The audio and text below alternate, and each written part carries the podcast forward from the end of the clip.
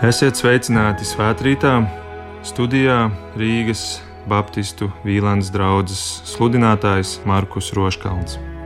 Šodien lasījums no Mateja evaņģēlīja 26. nodaļas, no 14. līdz 16. pantam. Tad viens no tiem 12, vārdā Jūda Iskarjots, aizgāja pie virspriesteriem un jautāja: Ko jūs esat ar mieru man dot? Es jums viņu nodošu. Un tie nosprieda viņam dot 30 sudraba naudas gabalus. Kopš šā brīža viņš meklēja izdevību, lai Jēzu nodotu.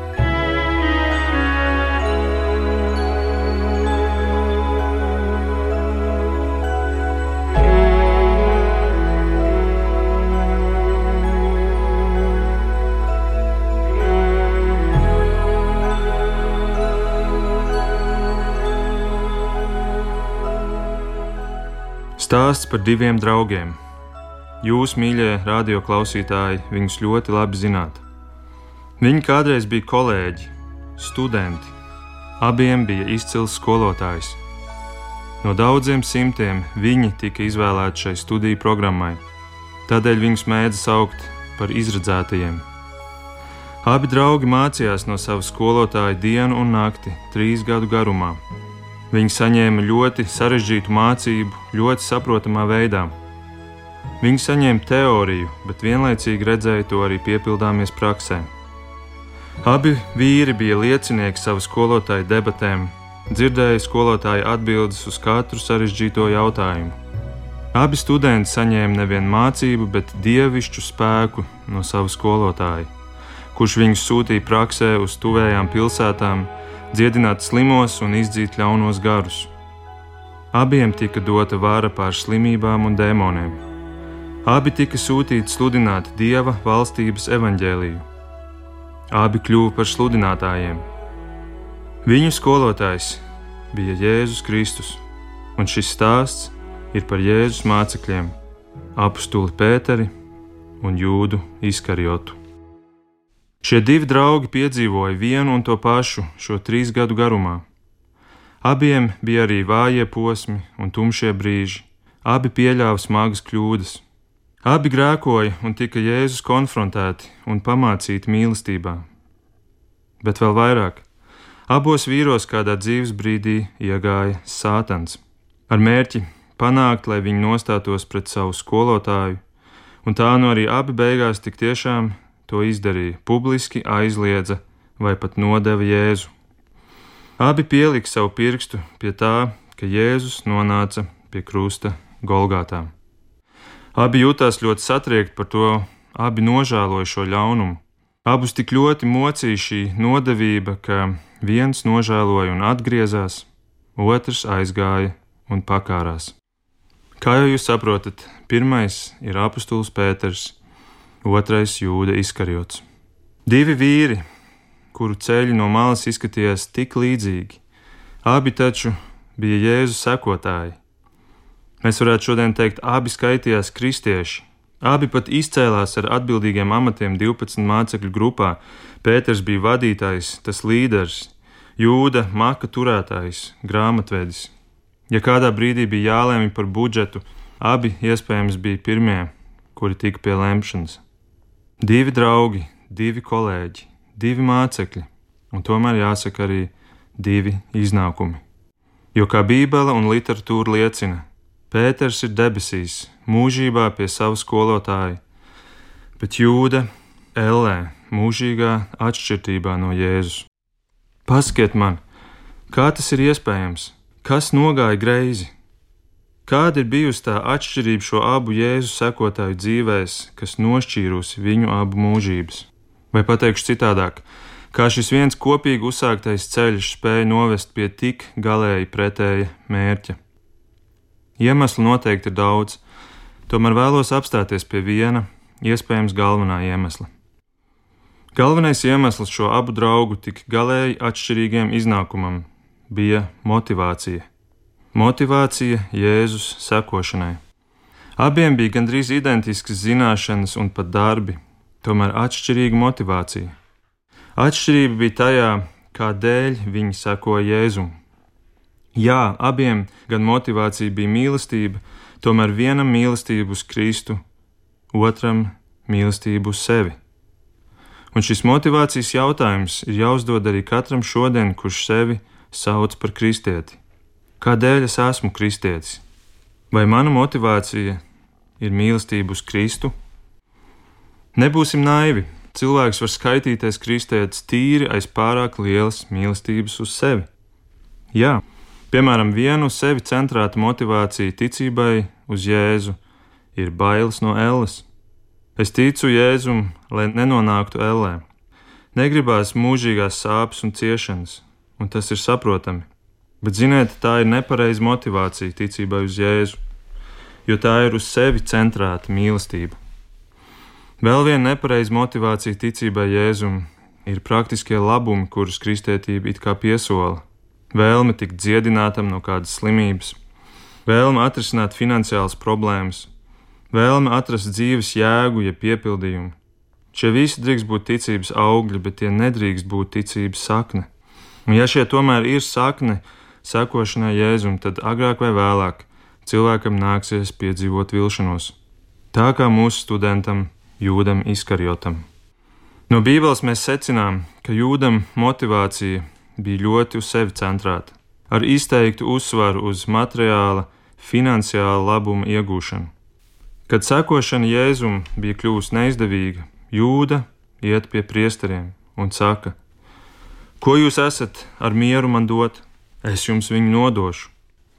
Jūda izlēma, ka vismaz kaut kas no šīs neapmierinošās kristētības ir jāizspiež jāiemaina Jēzus pret 30 sudraba naudas gabaliem. Ziniet, 30 sudraba gabali pārreikinot šodienas vidējai algai Latvijai būtu ap 180 eiro. 180 eiro. Jau tajā laikā tā skaitījās nicinoši maza summa. Ja ar Jēzum tik tuvu cilvēku kā jūdu varēja notikt kaut kas tāds, cik daudz vairāk mums katram ir jāuzdod jautājums, kādēļ es sekoju Jēzum? Vai es mīlu viņu, vai arī gaidu kādus labumus no viņa? Un, ja nesaņemšu tos, tad arī es būtu gatavs iemainīt viņu pret 180 eiro. Izklausās jau smieklīgi, tomēr patiesībā tas nav nemaz tik nereālistiski. Par 180 eiro tu vari nopirkt mobilo telefonu un iemainīt Bībeles lasīšanu, jo Bībele tev nedod to apmierinājumu, kuru dēļ tu it kā izvēlējies sakot Jēzum. Un tā telefoni kļūst par maziem algdieviem, izklaide kļūst par algdievu. Par 180 eiro tu vari aiziet uz lielveikalu, paēst tur labas pusdienas, aiziet uz kino, nopirkt vēl kādas drēbes, kādas mantas, tā vietā, lai svētdienā dotos uz draugu, kurš galvenais mācītājs ir šis Jēzus.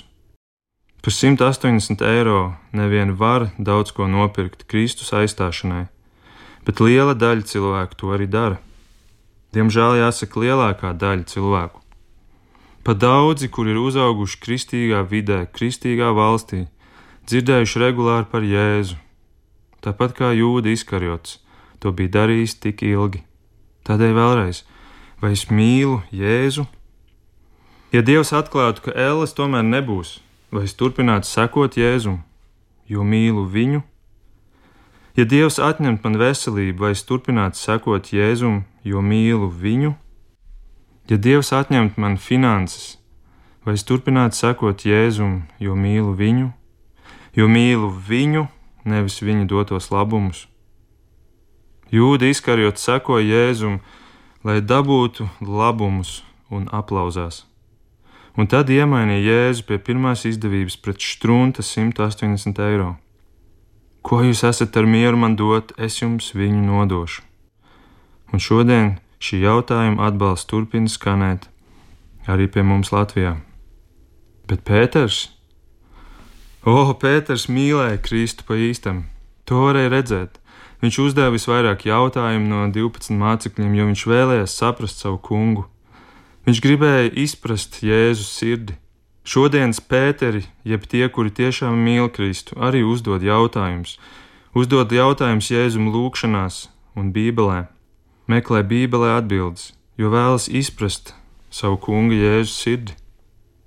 Pēters mīlēja, pat tad, kad smagi krīta aizliedzot Jēzu trīs reizes, mīlestību uz Jēzu lika viņam celties, un piecēlies Pēters visu atlikušo dzīvi veltīja Kristum, jo mīlēja viņu.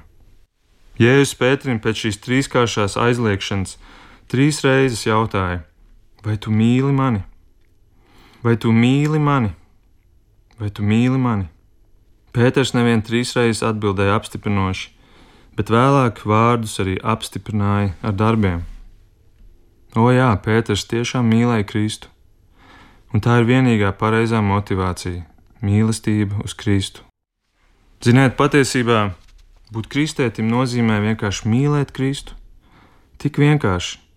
Kristētība nav sarežģīta.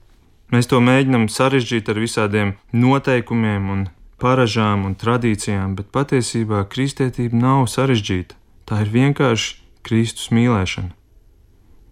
Vienīgā pareizā motivācija ticībai uz Jēzu ir mīlēt Kristu. Pēterim bija šī motivācija, Jūdam tās nebija. Pēters mīlēja Kristu, Jūda mīlēja Jūdu. Un tā nu Pēters, kura vārds nozīmē akmens, kļuva par klinti, uz kuras celta Kristus draudzene, un tā tur stāv vēl šodien un Ēlas vārtiem to nebūs uzvarēt. Bet jūda, kur vārds nozīmē slava, pats sev slavu meklējams, ir jau sen Ēlas vārtu uzvarēts. Pētera vārds skan skaļi joprojām, un mēs savus dēlus saucam viņu vārdā, bet jūda, jūda ir apklusis uz mūžiem, un pat suņi netiek saukti viņa vārdā. Lūk, divi vīri, divi draugi, divi Kristus sekotāji, un šodienas jautājums ir, kura pēdās eju es? Jo gala iznākumā visa cilvēks dalīs tos pašus divus galamērķus, kā šie abi senie draugi. Mums katram ir dot iespēju mīlēt Kristu, kā Pēters to darīja, vai mīlēt tomēr sevi un iet pa jūda izkarjota ceļu. Kura pēdās? eju es. Lūksim Dievu!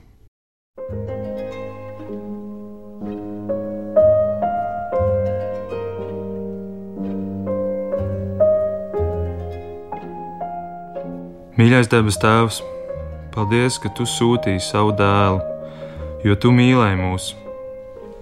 Paldies, Jēzu, ka Tu mūs mīlēji pirmais, un tikai tādēļ mēs spējam Tevi mīlēt. Arī mums tu bieži esi jautājis, vai tu mani mīli? Arī caur šodienas pārdomām. Ak, lūdzu, dod mums spēku būt patiesiem pret sevi, lai mūsu atbilde nebūtu tikai vārdi, bet visa mūsu dzīve. To lūdzam Jēzus vārdā. Āmen!